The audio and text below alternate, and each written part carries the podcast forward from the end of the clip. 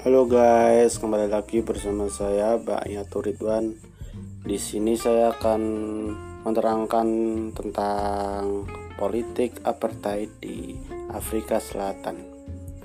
Jadi, apartheid itu adalah kebijakan politik rasial yang diterapkan di Afrika Selatan pada tahun 1948. Dalam sistem apartheid terdapat pemisahan hak dan kewajiban antara ras kulit putih dan kulit hitam yang disahkan melalui undang-undang. Agar politik apartheid bermula awal pada ke-20 Masehi. Politik pemisahan ras di Afrika Selatan dimulai setelah Perang Boer. Ketika Uni Afrika Selatan dibentuk pada tahun 1910 di bawah kendali Inggris, orang Eropa di Afrika Selatan membentuk struktur dan kebijakan politik rasial baru di negara tersebut. Kebijakan rasial dan diskriminatif dapat terlihat ketika Inggris memperlakukan pembatasan terhadap hak legislatif masyarakat kulit hitam di Afrika Selatan. Perkembangan apartheid.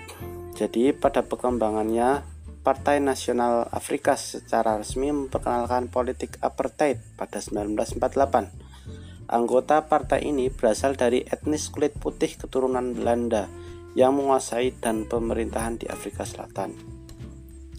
Partai Nasional Afrika berhasil memenangkan pemilu pada tahun 1948 dan mendirikan rezim apartheid. Rezim ini mendeklarasikan Afrika Selatan sebagai negara kulit putih dan kelompok ras lain selain kulit putih tidak memiliki hak-hak politik dan warga negara penuh. Dalam hukum tersebut terdapat pembagian ruang hidup antara ras-ras di Afrika Selatan. Golongan putih memperoleh 87% wilayah Afrika Selatan, sedangkan kaum kulit hitam hanya mendapatkan 30%. Diskriminasi kebijakan juga terjadi di bidang pendidikan sosial dan budaya.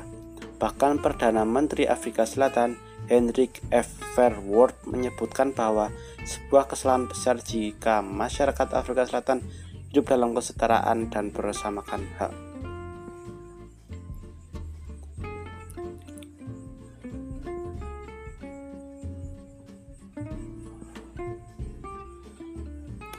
Penghapusan apartheid Tuntunan penghapusan apartheid di Afrika Selatan muncul dari dalam negeri maupun masyarakat internasional.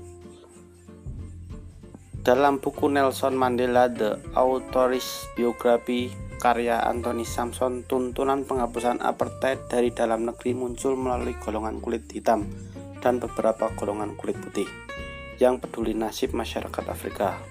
Gerakan penghapusan apartheid mulai digaungkan oleh tokoh-tokoh nasional Afrika Selatan pada tahun 1960-an.